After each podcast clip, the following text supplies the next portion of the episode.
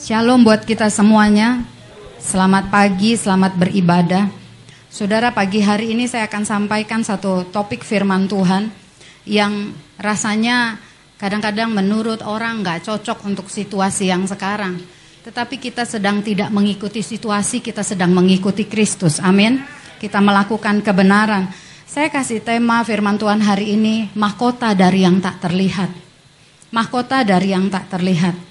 Bapak Ibu dengan segala kondisi yang kita alami, sering kali kita lupa bahwa hidup ini di ujungnya nanti menentukan mahkota yang saudara dan saya akan terima. Kita nggak hanya akan bersusah-susah di muka bumi ini, tapi satu hari kita akan menghadap kepada dia dan di sanalah akan terlihat apakah kita mendapat mahkota atau enggak. Nah, mari kita akan lihat dulu dari Kolose 3 ayat 23. Kolose 3 ayat 23. Banyak orang saudara energinya akan habis, terbatas, sukacitanya berkurang karena dia lupa bahwa setiap perjalanannya apa pun yang dia lakukan harusnya dasarnya firman Tuhan ini, saudara.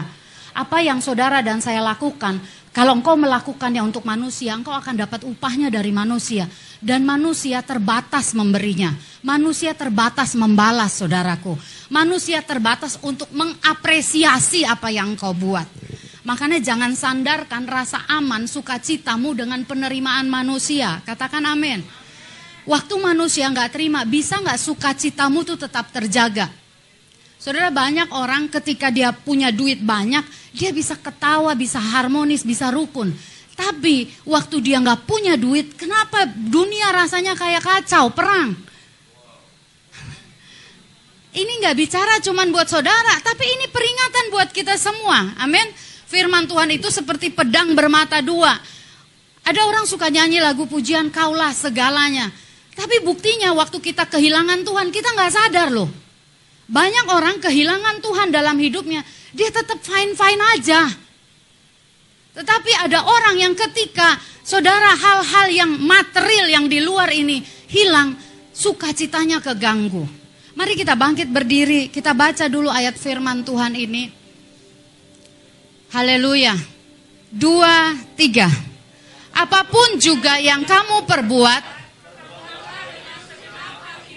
seperti untuk Tuhan dan bukan untuk manusia. Kita ganti katamu dengan ku, oke? Okay? Dua, ya. Apa pun juga yang aku perbuat, aku perbuat dengan segenap hatiku seperti untuk Tuhan dan bukan untuk manusia. Coba lihat ayat selanjutnya, ayat 24. Dua, ya. Kamu tahu bahwa dari Tuhanlah kamu akan menerima bagian yang ditentukan bagimu sebagai upah. Kristus adalah Tuhan dan kamu hambanya. Amin. Silahkan duduk kembali. Saudara, kalau orang dibilang melakukan buat Tuhan rasanya abstrak. Saya mau kasih tahu buat Anda adik-adik yang pelajar. Kalau engkau melakukan sesuatu, lakukanlah seperti untuk gurumu, engkau dapat poin. Betul nggak? Kalau rasanya dibilang lakukan untuk Tuhan, bagaimana caranya?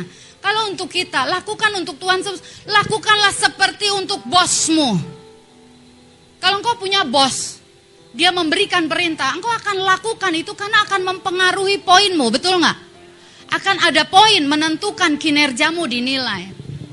Bapak Ibu yang dikasih Tuhan, saya terkesan dengan Ibu Risma, Menteri Sosial, saudara. Di usianya yang lanjut, ketika dia belusukan ke tempat-tempat, ke orang-orang pinggiran. Saudara, kalau kita pikir dari wali kota sampai menjadi menteri sosial, kadang saya suka bilang gini, untuk siapa ya Bu Risma melakukan itu? Dia kunjungi orang-orang yang di pinggir jalan, sementara orang istirahat tidur. Seorang ibu yang lanjut usia menurut saya, yang badannya rentan itu, Rela saudara memeriksa jalan, dia pastikan data orang-orang penerima bantuan sosial. Menurut saudara buat siapa dia lakukan itu? Dia lakukan itu untuk pemimpin yang mempercayainya, yang mengangkatnya. Betul nggak?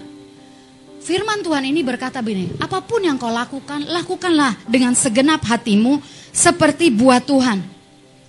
Saudara, banyak orang kecewa di akhirnya ketika dia melakukan sesuatu dengan upayanya. Kita ini masing-masing punya ladang pelayanan. Tidak selalu mimbar ini ladang pelayanan. Tadi saya sampaikan saudara, ada mahkota yang tidak terlihat, yang dihasilkan dari apa yang tidak terlihat. Coba buka Matius pasal 25. Ingat tadi kalau setiga, lakukan seperti buat Tuhan. Matius pasal 25 ayat 34 ayat 45 kita akan mulai Saudara 34 dulu Matius 25. Di waktu-waktu terakhir ini Saudara di situasi yang Orang banyak bilang memang tidak mudah. Banyak orang saudara lupa. Selalu ada kunjungan Tuhan di rumah kita. Selalu ada kunjungan malaikat yang tidak terlihat dalam rupa orang-orang yang kekurangan di sekitarmu. Saya mau kasih tahu. Ada kunjungan malaikat yang kadang kita nggak aware, nggak sadar. Waktu kita lakukan untuk seorang yang paling hina, kita sedang melakukan untuk Tuhan. Kita sedang melakukan untuk Tuhan. Tuhan gak pernah minta kita melakukan yang tidak bisa kita lakukan. Berapa banyak hati kita masih tergetar ketika kita melihat orang yang gak ada benefit keuntungannya buat kita. Orang yang gak kenal kita. Orang yang mengetuk pintu rumah kita meminta bantuan. Orang yang lalu lalang di sekeliling kita. Yang kita lihat kotor bajunya. Orang yang lapar di pinggir jalan. Di mana sekarang gereja bisa melihat apakah itu Tuhan? Saya mau kasih tahu firman Tuhan Matius 25 ini akan mendasari kita bahwa Tuhan ada di antara orang-orang yang paling hina itu. Kadang-kadang kita lakukan karena tanggung jawab, karena diminta, karena dilihat orang. Tapi tahukah engkau ada balasan yang sedang Tuhan siapkan mahkota ketika engkau dan saya punya hatinya Tuhan. Hati yang punya belas kasihan engkau tuh nggak akan merasa begini loh, hidupku tuh beruntung. Orang mungkin nilai engkau hidupmu tuh kayaknya nggak naik-naik, tapi engkau melihatnya hidupku tuh beruntung. Aku bisa lewati banyak karena Tuhan. Ingat Pak Gembala bilang begini kemarin, cara kita melihat akan menentukan reaksi kita. Tapi apa yang engkau lihat ditentukan di mana posisimu. Kalau engkau melihat dari belakang, engkau hanya bisa menjelaskan gajah itu besar, ekornya panjang. Engkau nggak pernah lihat bagian gajah yang namanya gadingnya itu. Yang mahal itu. Waktu orang bilang gini, eh lu tau nggak kalau gadingnya gajah tuh mahal? Enggak. Gajah itu cuma menang dagingnya. Karena engkau ngeliat pantatnya gajah doang. Betul nggak? Tapi kalau engkau posisinya pas, maka engkau akan melihat yang berharga dari gajah itu. Betul nggak? Coba bangkit berdiri sama-sama. Bapak Ibu yang di rumah, Tuhan menguatkan engkau. Ada kunjungan malaikat. Jelang tutup tahun ini jangan tutup dengan hati yang ciut. Katakan amin. Anda jangan hanya sibuk dengan daftar doamu. Engkau harus sibuk dengan apa yang mendatangkan mahkota bagimu. Seringkali daftar doa kita isinya tentang ku, ku, ku, keluargaku, anakku, suamiku, usahaku, pelayananku. Berapa banyak di daftar doamu di sana ada syafaat untuk orang yang gak peduli denganmu. Ada syafaat untuk lingkunganmu. Ada syafaat untuk keluarga besarmu.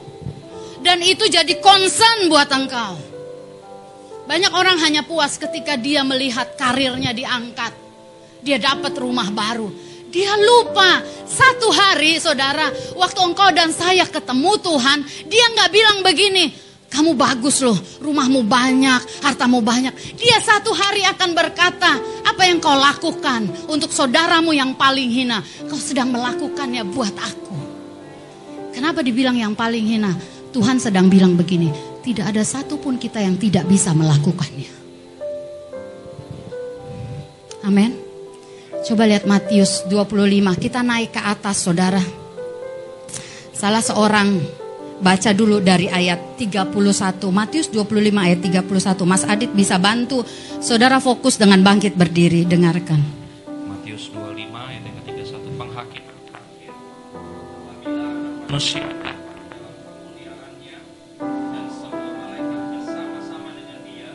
Maka ia akan bersama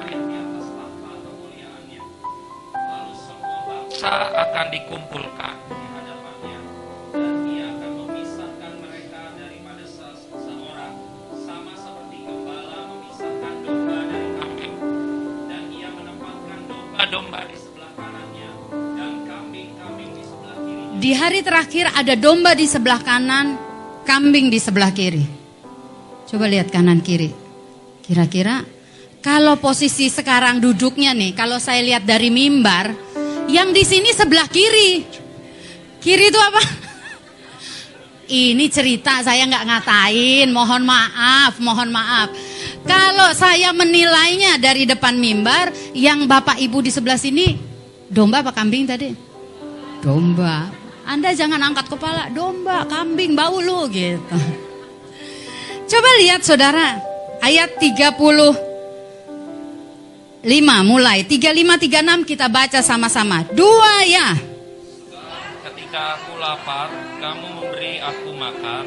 Ketika aku haus, kamu memberi aku minum. Ketika aku seorang asing, Memberi aku tumpangan. ketika aku telanjang, Kamu memberi aku pakaian. ketika aku sakit, Kamu melawat aku.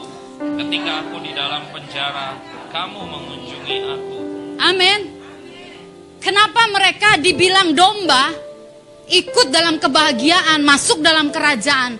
Tuhan gak bilang karena kamu rajin doa, karena kamu berpuasa, karena sekedar kamu melakukan banyak hal-hal yang kelihatan rohani, tapi ada mahkota yang tersembunyi, mahkota yang dihasilkan dari apa yang kau lakukan seperti buat Tuhan. Seperti buat Tuhan. Coba lihat saudara, ayat 37. Bapak-bapak baca 37 dan 38. Dua ya. Maka orang-orang benar itu akan menjawab dia, katanya, Tuhan, bila manakah kami melihat engkau lapar dan kami memberi engkau makan, atau haus dan kami memberi engkau minum? Bila manakah kami melihat engkau sebagai orang asing dan kami memberi engkau tumpangan, atau telanjang dan memberi engkau pakaian? Ayat 39 sama-sama dua ya. Bila manakah kami melihat engkau sakit atau dalam penjara dan kami mengunjungi engkau, Sekarang nggak update lagi yang ini. Karena nggak boleh sembarangan ngunjungin orang sakit dan ke penjara. Betul nggak? Tapi bukankah masih banyak orang di sekitar kita firman Tuhan nggak pernah usang?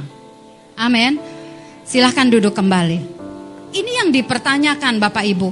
Bila manakah kami melihat engkau sakit, kami melihat engkau dalam penjara, kami melihat engkau terlantar, kami memberi engkau makan. Rasanya nggak mungkin kita memberi makan dia, raja segala raja. Bapak Ibu yang dikasihi Tuhan, perjalanan orang Kristen banyak sekali dia suka dengan perjalanan yang namanya naik ke atas, naik ke atas. Suka sekali dengan cerita ketika Yesus masuk ke kota Yerusalem, orang menghamparkan pakaiannya, orang mengeluh-elukan, Hosana, Hosana, diberkatilah anak domba Allah. Ketika dia naik di atas keledai dan orang menyembah. Banyak orang suka ketika dia mengikut Tuhan, karirnya diangkat, ekonominya berubah. Tapi berapa banyak orang kebahagiaan, kebanggaannya adalah waktu perolehannya berkurang, tapi dia bisa berkarya bersama dengan Tuhan. Saya suka begini saudara ya, kalau saya duduk, saya dengar orang bersaksi. Kadang di hati saya gini, Tuhan, kenapa ya kami kalau bersaksi banyakkan ceritainnya, kayaknya susah banget sampai hari ini. Susah banget, lu tahu nggak sih? Kok bisa begini nih perjuangan banget. Anda tahu nggak? Firman Tuhan bilang gini, ketika engkau melangkah satu langkah, Bapamu udah berlari menghampirimu. Seringkali waktu bersaksi, aroma tentang Tuhan yang baiknya, itu hanya sebagian. Yang besar itu kesusahannya. Teman-teman, saya mau bercerita begini, ini yang saya rasa jelang akhir tahun ini. Ada jalan yang berbeda yang Tuhan mau, saudara juga lewati. Namanya jalan Via Dolorosa. Jalan Via Dolorosa. Jalan Via Dolorosa adalah jalan salib di mana dia pikul semua salib penderitaan, di mana orang mempertanyakan kuasanya, di mana dia diludahi, dia dihina, dia di, dicambuk, dia ditendang, orang memalingkan wajahnya, dipertontonkan dengan segala malunya, dan di sana ada jalan Via Dolorosa, sang raja, raja segala raja itu. Dia pikul salib dan membiarkan dirinya ditonton orang dalam kehinaan. Bukan untuk dirinya, tapi buat engkau dan saya. Dia pikul itu. Dia selesaikan sampai ujung kayu salib. Dan di tempat yang sama, di Bukit Golgota, orang lihat juga dia diangkat naik, ditinggikan oleh Tuhan. Saya mau sampaikan hari ini, jelang tutup tahun.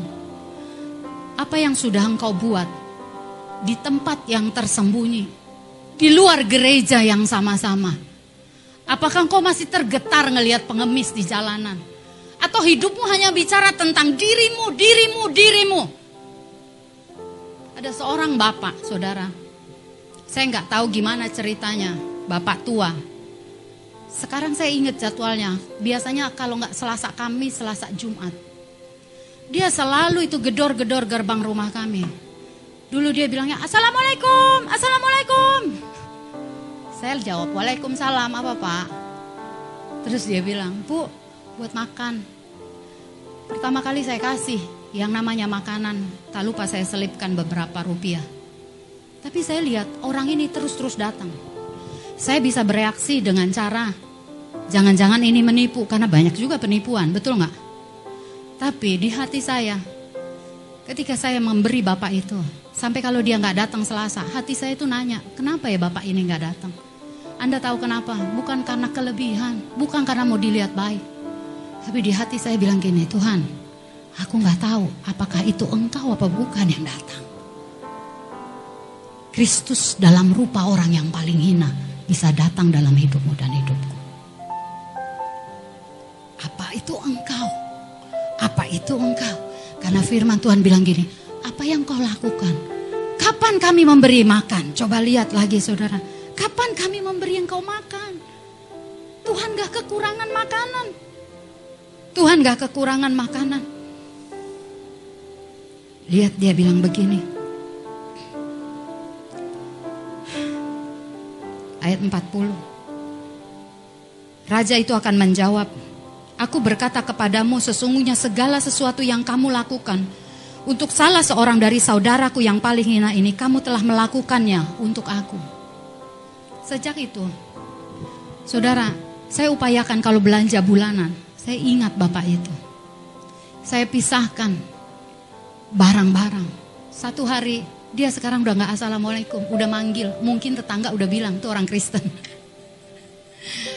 Dia setia, dia bilang gini, Bu, Ibu. Dia bilang, saya kasih. Sampai dia bilang begini, Bu, saya ngapain deh?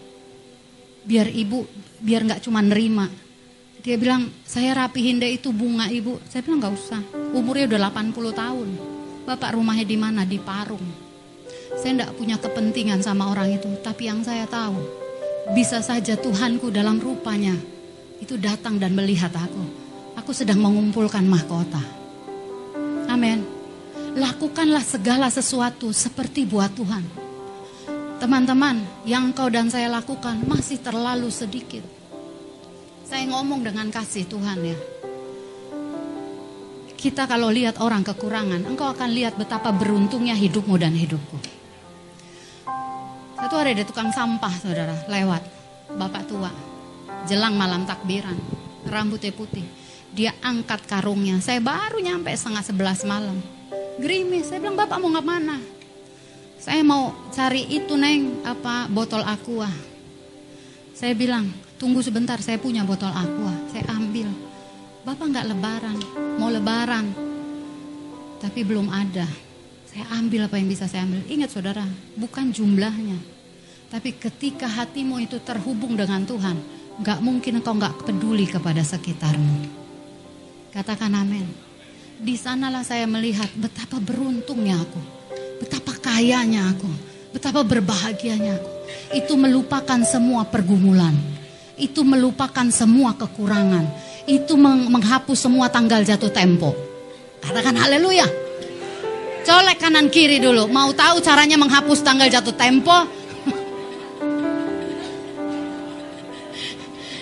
Kalau Anda Kok saya lihatnya saudara kayaknya suka cita banget waktu dibilangin tanggal jatuh tempo.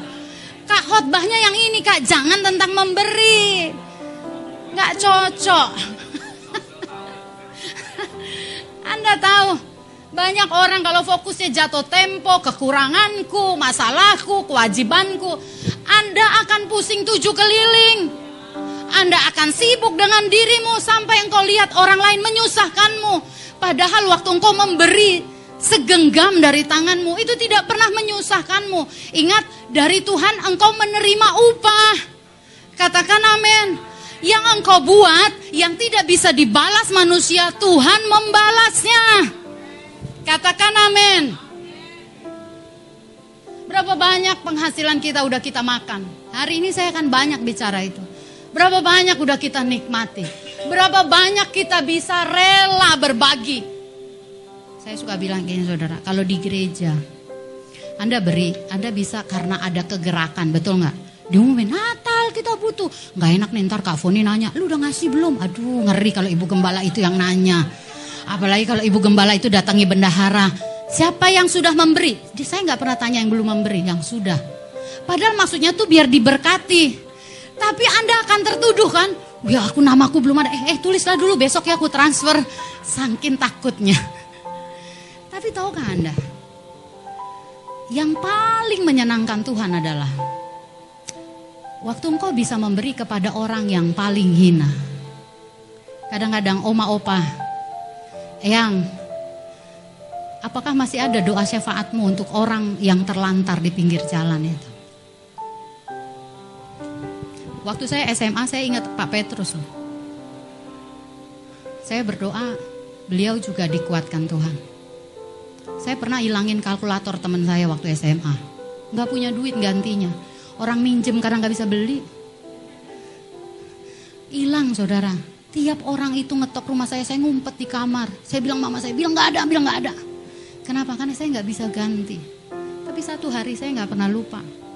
Pak Petrus habis jual jual ban ya om ya. Dia nggak tahu. Aku berdoa. Dan waktu beliau berkati saya. Saya bisa beli kalkulator baru untuk teman saya itu. Anda tahu. Yang kayak gitu. Itu kita nggak tahu jalan ceritanya. Tapi Tuhan catat. Tuhan catat. Tuhan catat. Amin. Anak sekolah, kau punya uang, uang loh minimal kepada orang yang sakit saya selalu bilang gini jangan cuma merintih di kasurmu jangan gak kerja apa-apa doa anda tahu di tengah-tengah kita ada Bang Ais yang sakit saya selalu bilang gini eh eh jangan cuma merintih ya doain aku saya selalu nitip kayaknya kayaknya kejam banget ya orang sakit disuruh doain yang sehat saya bilang karena engkau masih harus bekerja selama dikasih nafas sama Tuhan Jangan mengasihani diri sendiri. Minimal waktu tanganmu nggak bisa terulur, tanganmu bisa kau lipat buat orang lain. Katakan amin. Beberapa hari yang lalu saudara, Bapak Ibu yang di rumah kau juga dikuatkan. Tuhan tuh masih ada. Tuhan masih ada. Mujizat masih terjadi. Orang yang memiutangi Tuhan tuh. Tuhan tuh nggak bakal mau berutang lama-lama sama kita. Dia nggak pernah berutang sih. Saya doa. Saya nyampe ini bukan saya nggak punya duit ya. Saya satu hari doa gini. Di kamar, mungkin doanya nggak jadi doa sujud, enggak. Sambil saya ngetik-ngetik, saya bilang gini, Tuhan aku tuh pengen lo lakukan ini untuk orang lain. Terus saya bilang gini, tapi aku nggak mau pakai duit yang dari suamiku. Saudara, Tuhan tuh suka orang yang terbuka. Saya bilang gini, tapi aku nggak mau. Saya juga kalau ditanya nggak tahu alasannya, cuman pengen begitu aja. Tuhan aku tuh pengen melakukan ini, tapi aku nggak mau dari jatah yang biasanya aku terima. Saya seperti Abraham yang nggak punya dasar untuk berharap. Nggak ada, nggak ada tanda-tanda awan sebesar telapak tangan. Nggak ada. Nggak ada undangan pelayanan kemarin. tapi saya ingat, detik saya doa saya bilang ya Tuhan, aku tuh pengen begitu. Detik saya amin. Handphone saya bunyi, saya buka WA-nya dari seorang yang udah tiga hampir empat tahun nggak ketemu saya. Ditambah covid kan. Dia tanya, apa kabar bu? Gak tahu kenapa, saya seneng banget terima WA itu. Saya bilang, aduh terima kasih pak, saya seneng banget. Saya bilang, kamu sehat berarti kamu hidup. Karena banyak covid teman-temanku meninggal, gue bilang. Oh aku sehat bu, wah saya cerita. Dia tanya gimana, lewat WA. Di ujungnya dia bilang, Bu Foni, sorry. Tadi pagi aku doa, dan Tuhan bilang, aku harus berkati Ibu Foni. Wow. Saya bilang, aku suka yang ini Pak. Anda tuh, Anda terlalu, ada gini, oh ya, gitu. OMG, kalau saya apa ada, oh saya suka banget yang ini pak, saya bilang, dia ketawa kasih emoticon ketawa, saya suka keterus terangan ibu katanya. Terus dia bilang, bolehkah saya minta nomor, nomor rekening? Oh nggak sampai sedetik langsung, tut, tut, tut, cepat. Karena aku hafal sekali nomor rekeningku. Haleluya. Saudara, Anda tuh suka pura-pura. Anda berharap ada yang transfer tapi lupa nomor rekening mimpi. Itu tinggal copy paste, Bro. Kirim. Terus dia bilang begini. Oke, Bu. Nanti saya akan masih akan doakan. Mateng lu, masih doain. Udah cepet ya. Dia bilang, sebelum akhir bulan saya akan pastikan. Dia nggak bilang akan transfer loh. Akan pastikan. Siap. Bagian kuku panggil namanya. Tuhan taruh wajahku. Taruh wajahku di wajahnya. Biar namaku menggema di hatinya Tuhan. Waktu dia ke ATM dia ingat nomor rekeningku. Saya mau cerita ini ya supaya saudara tahu ya. Tuhan itu ada kalau Tuhan mau, orang yang burung gagak aja bisa Tuhan suruh kirim daging. Tapi masalahnya itu nggak akan pernah terjadi kalau untuk hanya memuaskan keinginanmu. Dia suka kepada orang yang bergerak dari hatinya. Saya tunggu nih saudara, saya kan ketik ya, m-banking kan di tangan ya. Pencet terus pencet, gak masuk, gak masuk. Coba cek mutasi, wah jangan-jangan udah kepake kan gitu. Eh masih enggak. Waktu saya doa pagi Roh Kudus ingetin gini. Kalau hatimu udah condong sama orang, biasanya nggak jadi matang. Nggak jadi Tuhan aku jauhkan itu dari hatiku. Biasanya kalau ngarep zong, ya nggak pak? kalau kita ngarep nih orang mau bayar utang ya, waduh kita tunggu tungguin, tapi nggak didoain zong, betul nggak? Kita kita sengaja udah lama nggak kirim WA, kok kita WA dia? Maksudnya lu inget dong, kan percakapan terakhir lu minjem tuh yang gue transfer. kita halo apa kabar sehat bro? Eh baik, gue lagi gini gini. Ya Tuhan, di manakah engkau? Saya ingat saudara, kemarin Jumat, tadinya saya nggak mau cerita, takutnya dimintain. Anda pernah gitu gak sih? Kau diberkati gak mau cerita. Takutnya dideketin ya sama yang punya proyek. Tapi hari Jumat itu di hati saya berdebar-debar. Saya bilang gini, Tuhan ini akhir bulan nih. Gak mungkin Sabtu Minggu ya kan, pegawai. Sabtu Minggu mah harinya di rumah Tuhan. Hari itu saya berdoa, saya panggil namanya. Aku memberkati. Apa pun yang dia lakukan diberkatilah berlimpah-limpah. Detik amin. Turut Pas kulihat namanya, oh Tuhan aku bersyukur. Saya nggak langsung buka WA-nya karena ada fotonya. Yang saya lihat m-banking. Pak, kalau Bapak lihat, haleluya. Orangnya bisa nonton. Tapi biar dia tahu. Saudara kita semua nih bergerak karena Tuhan. Karena Tuhan kok. Makanya jangan takut. Tadi pujiannya bilang gini, saat ku melihat apa yang kau sediakan bagiku. Segala kekhawatiranku lenyap di terangmu. Saya nggak baca WA-nya. Kan kelihatan masuk ya nggak? Langsung aku off dong. Kelihatan nggak nunggu-nunggu, padahal ngarep. Saya langsung cek m-banking. Waktu saya lihat jumlahnya, saya bilang, Tuhan, terima kasih. Gak pernah waktu engkau mengirus orang yang paling hina, Tuhan gak balas.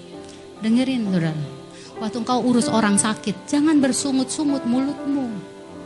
Siapa tahu itu Tuhan yang kau gendong. Kalau engkau sedang ngelap, ngurus orang tuamu mandi, entahkah dia terbaring di kasur. Jangan bersungut-sungut. Sungut-sungut tuh yang punya cuma kecoa. Betul nggak? Yang punya sungut siapa? Kecoa, kecoa bau. Jangan bersungut-sungut. Detik engkau bersungut-sungut, engkau nggak tahu itu Tuhan yang sedang kau layani. Saya buka itu WA. Agak lama saudara. Bapaknya. Kalau dia lihat ini. Oh gitu ceritanya. Iya pak, aku terbuka di hadapanmu. Saudara tahu, detik saya lihat itu, saya cuma bilang gini, Tuhan, jauh melebihi apa yang aku harapkan. Tuhan beri itu. Dan aku bersuka cita. Saya ngalami yang seperti Abraham, sekalipun gak punya dasar untuk berharap. Tapi aku punya dasar janji Allah. Ingat khotbah Pak Gembala, saya selalu bilang di kursi saya, aku bisa salah Tuhan. Aku sering kali tersesat di jalan. Tapi aku gak pernah lupa, aku putrimu Tuhan. Engkau sayang kepadaku. Dalam kesalahanku pun engkau membela aku. Saudara yang dikasihi Tuhan, saya sedang membangkitkan di hatimu hari ini. Jelang tutup tahun ini, jangan pernah lewatkan kunjungan Tuhan dalam rupa saudaramu yang paling hina. Katakan amin. Jangan hitung hanya apa yang masuk. Mungkin engkau menatap saya, engkau bisa bilang, saya udah lakukan itu. Kalau engkau udah lakukan itu, tunggu tanggal mainnya. Tunggu aja tanggal mainnya. Tuhan gak pernah berhutang, Tuhan gak pernah berlambat-lambat. Katakan amin. Saya lihat, wah haleluya. Saudara bulan ini, saya dapat tiga kali dari orang-orang yang sekian tahun gak pernah ketemu muka sama saya. Ntar habis ini, kak bagi dong, boleh. Sekian tahun dan saya nggak perlu pura-pura kirim ayat. Betul nggak? Anda harus tahu ya, waktu engkau melakukan Tuhan yang sedang engkau layani, engkau nggak akan kekurangan sesuatu yang baik dari tangan Tuhan. Katakan amin. Gereja ini harus dipenuhi oleh orang-orang yang menggarami sekelilingnya. Kita nggak jadi orang yang hebat di gereja doang orang yang murah hati di gereja doang. Kita jadi orang, lihat orang telanjang, engkau beri pakaianmu. Berapa banyak kita tuker-tukeran baju cuma di dalam doang. Kalau bajumu nggak muat, kau kasih ke saudaramu. Kapan engkau ngelihat orang yang kekurangan, kau kasih bajumu. Satu hari bapak ini ketok pintu rumah saya dan hujan gerimis. Karena bapak itu suka kurang dengar, agak kurang dengar. Kadang saya suruh tunggu, dia udah pergi saudara. Saya cari ke mana. Mana bapak itu saya tanya. Wah udah pergi bu, dia mah rajin ke rumah ibu. Iya benar. Saya kasih baju.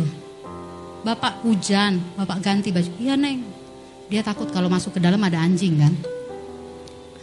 Tapi besoknya dia masih pakai baju yang sama. Saya bilang, Pak, besok pakai baju yang saya kasih. Supaya Bapak nggak kedinginan. Saya cuma mau bilang begini teman-teman. Apa yang kau lepaskan? Dari hati. Seperti Kolose 3 ayat 23 lakukan segenap hati untuk Allahmu. Engkau tidak pernah tidak dibalas Tuhan. Tidak pernah tidak dibalas Tuhan. Banyak orang begini saudara. Waktu engkau berbuat, orang gak ngucapin terima kasih, engkau down. Saya selalu bilang begini saudara, waktu kita urusin orang sakit, jangan pernah biarkan dirimu melambung dengan pujian. Makasih ya, Terima kasih ya untuk tim ini yang udah berjuang. Jangan. Kalau pujian itu datang, buru-buru bersembunyi di hadirat Tuhan. Enggak Tuhan, ini bukan aku Tuhan. Kalau dipuji orang, saudara, jangan nikmati pujiannya. Sembunyi di hadirat Tuhan. Bilang Tuhan, hari ini aku bersembunyi di hadiratmu. Jangan biar aku curi kemuliaan yang harus aku kembalikan kepada Tuhan. Penutup firman Tuhan, lihatlah kitab Yesaya apa yang kau dapat bukan sekedar mahkota. Ada luka yang bisa dipulihkan Tuhan. Waktu engkau melakukannya untuk orang yang paling hina. Berapa banyak Anda lihat tukang sampah di komplek Geraha Kencana ini. Dan hatimu tergetar membagi 10 ribu, 20 ribu rupiah. Berapa lama kita ibadah di komplek Geraha Kencana. Dan engkau nggak tahu Kristus bisa dalam rupanya mungkin security, mungkin orang yang engkau bayar tiket, kau nggak tahu. Yesaya 58. Haleluya. Saya tidak, saudara, tidak menjadi orang yang anti berpuasa. Saya pun mau berpuasa. Saya suka berpuasa. Tapi saya mau kasih tahu, ada luka yang sekian lama bisa dipulihkan sesuai janji firman Tuhan. bukan dengan ritual agamawimu. Kemarin adik saya cerita gini. Aduh kak, dia sore jemput saya. Aduh kak, aku sedih banget. Kenapa? Dia kan bilang ya, sial banget aku hari ini. Ah terjadilah menurut ucapanmu. Iya kata dia. Jadi ceritanya dia habis uh, ambil uang pesanan. Ambil uang pesanan dan dia lupa entah kenapa waktu dia mau masukin ke kantongnya ada mobil mau masuk gerbang tempat satu rumah. Jadi keburu-buru. Dan saudara tahu, sampai rumah begitu dia buka di rumahnya, gak ada uangnya. Dia bilang, sedih banget karena itu hasil penjualan apa gitu. Saya ingetin gini saudara ya, kalau Tuhan taruh sesuatu di hatimu, gak usah lama nimbang. Bener, kalau engkau timbang pasti gak jadi deh yang baik. Betul nggak? Anda bilang mau lakukan ini, lama aja nih bang, gak bakal kejadian. Saya langsung tek muncul di hati saya. Saya rogoh kantong berapa gitu. Padahal kalau gede jiper juga. Bilang sekian, saya ambil, nggak sejumlah itu, saya kasih. Terus waktu waktu dia, aduh makasih banget ya, aduh gini kan dia bilang, iya iya, aku lagi dapat berkat. Namanya habis dapat transfer ya kan, wah hati tuh happy banget saya. Saya kasih. Eh, Begitu saya lagi mau tutup pintu kunci lemari saya. Dalam hati batin saya ngomong gini, kenapa nggak kamu ganti semua? Gak seberapa. Oh iya juga ya. Kenapa aku setengah ngerjainnya? Aku ambil. Aku kasih. Nih, ya ampun dia sampai begitu lagi. Biar tobat jangan ngomong sial. Saya cuma mau bilang gini saudara. Yang kayak kayak gitu ya. Itu engkau lakukan tersembunyi saya menyaksikan ini bukan untuk pamer, dah dijauhkan Tuhan. Saya cuma mau menggugah engkau supaya engkau diberkati jelang tutup tahun ini. Ada jatah kita masing-masing, saudara. Ada jatah kita masing-masing. Masing-masing kita ini punya ladang. Ada ladang yang kalau digarap, saudara, itu akan mendatangkan hasil, benar nggak? Tapi kalau Anda punya ladang, Anda nggak garap, yang ada ular di situ orang akan buang sampah ke ladangmu. Karena itu tanah kosong yang seperti tak berpenghuni. Tapi kalau engkau garap, engkau akan terima keuntungan. Saya mau bangkitkan di hatimu semuanya. Engkau yang anak sekolah, remaja, Mega, Grace, ada Jovan. Dima, jangan bilang nggak ada. Dari masa mudamu, biarkan engkau tuh bisa rasa ini Tuhan, ini Tuhan, ini Tuhan. Mari bangkit berdiri ya saya 58.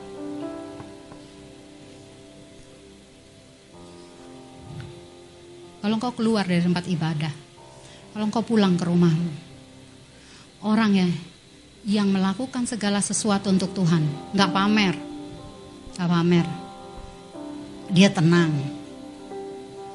dia nggak ngebangkit-bangkit. Haleluya. Kita baca Yesaya 58 ayat yang ketujuh di atasnya tentang puasa. Lakukan terus puasa saudara. Tapi lihat ini yang Tuhan mau. Yesaya 58 ayat ke-7. Dua ya. Supaya engkau memecah-mecah rotimu bagi orang yang lapar.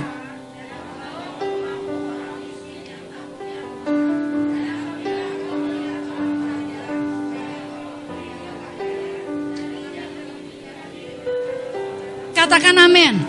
Katakan amin. Engkau mungkin lagi susah, engkau lagi dalam keadaan rasanya terpuruk. Tapi waktu orang datang, gimana hatimu? Di mana posisimu itu menentukan engkau melihatnya, betul? Engkau sedang terpuruk, engkau rasanya sedang dikecewakan, engkau sedang ditipu. Tapi waktu orang datang, apakah responmu ditentukan di mana engkau berdiri? Kalau hatimu seperti Kolose 3 ayat 23, lakukanlah seperti buat Tuhan. Engkau akan bilang gini, ini Tuhan. Ini Tuhan. Pertolongan Tuhan tidak selalu saudara dengan engkau mendapat. Kadang-kadang engkau melepas dan itu Tuhan. Banyak orang nutup tahun. Dia udah sibuk dengan persiapan Natal. Dia lupa banyak orang beli baju sekolah aja mikir. Biar kita bangkit, katakan amin. Satu hari saudara, engkau akan bilang ini Tuhan makasih. Aku bersyukur, aku disertai Tuhan, aku diberkati, aku bisa liburan, aku bisa makan enak, aku bisa ibadah, aku bisa melayani orang. Kalau engkau bisa sebutin itu panjang, hatimu tuh lega dengan semua kebaikan Tuhan. Gak ada lagi isak tangis yang berkata Tuhan yang ini belum. Engkau akan selalu lihat yang sudah, yang sudah, yang sudah, yang belum pasti akan sudah nanti. Yang belum pasti akan sudah nanti. Engkau yang sudah melakukan semuanya. Jangan kecil hatimu. Kalau hari ini jalanmu masih jalan via dolorosa. Engkau udah berdoa. Engkau sudah melakukan seperti firman yang hari ini. Saya sampaikan. Saya mau kasih tahu. Ada waktunya di situ Orang seperti menonton engkau orang bodoh, tapi di tempat yang sama orang akan lihat karya Tuhan dalam hidupmu dan hidup. Mari baca Yesaya 58 ayat yang ketujuh, ayat ke-8. Sama-sama, dua, ya. Lukamu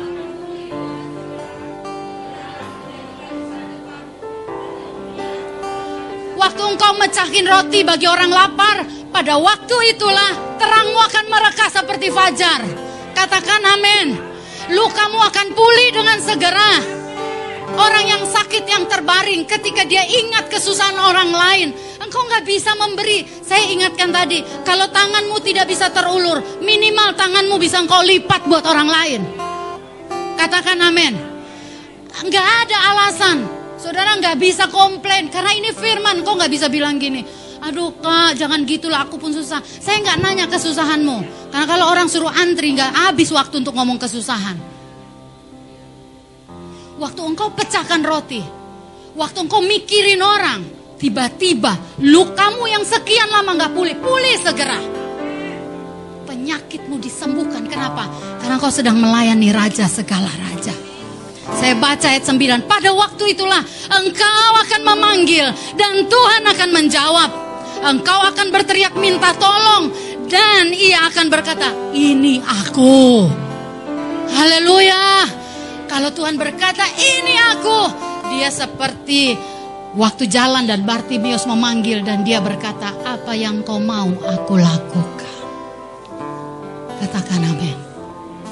Siapa pun engkau jemaat Tuhan, engkau orang tua, masih ada karya Tuhan dalam hidupmu lipat tanganmu berdoa bagi orang-orang lain. Kau yang punya penghasilan, jangan habiskan sendiri bagi orang lain. Jangan traktir orang yang hanya bisa membalas traktiranmu. Ajak makan orang yang paling tidak diperhitungkan. Orang yang kadang megang sendok garpu gelagapan. Tapi di sana engkau sedang menghormati Tuhanmu. Katakan amin. Pada waktu itulah engkau akan berteriak minta tolong. Saya mau berkata dalam anugerah Tuhan. Di hatimu tuh ada cerita minta tolong sama Tuhan. Tapi kalau engkau mau memanggil dia, berhenti di depanmu. Dan dia berkata ini aku. Lakukanlah segala sesuatu seperti buat Tuhan. Seperti buat Tuhan. Seperti buat Raja segala Raja seperti buat gurumu, hai anak pelajar, engkau dapat poin. Seperti untuk bosmu.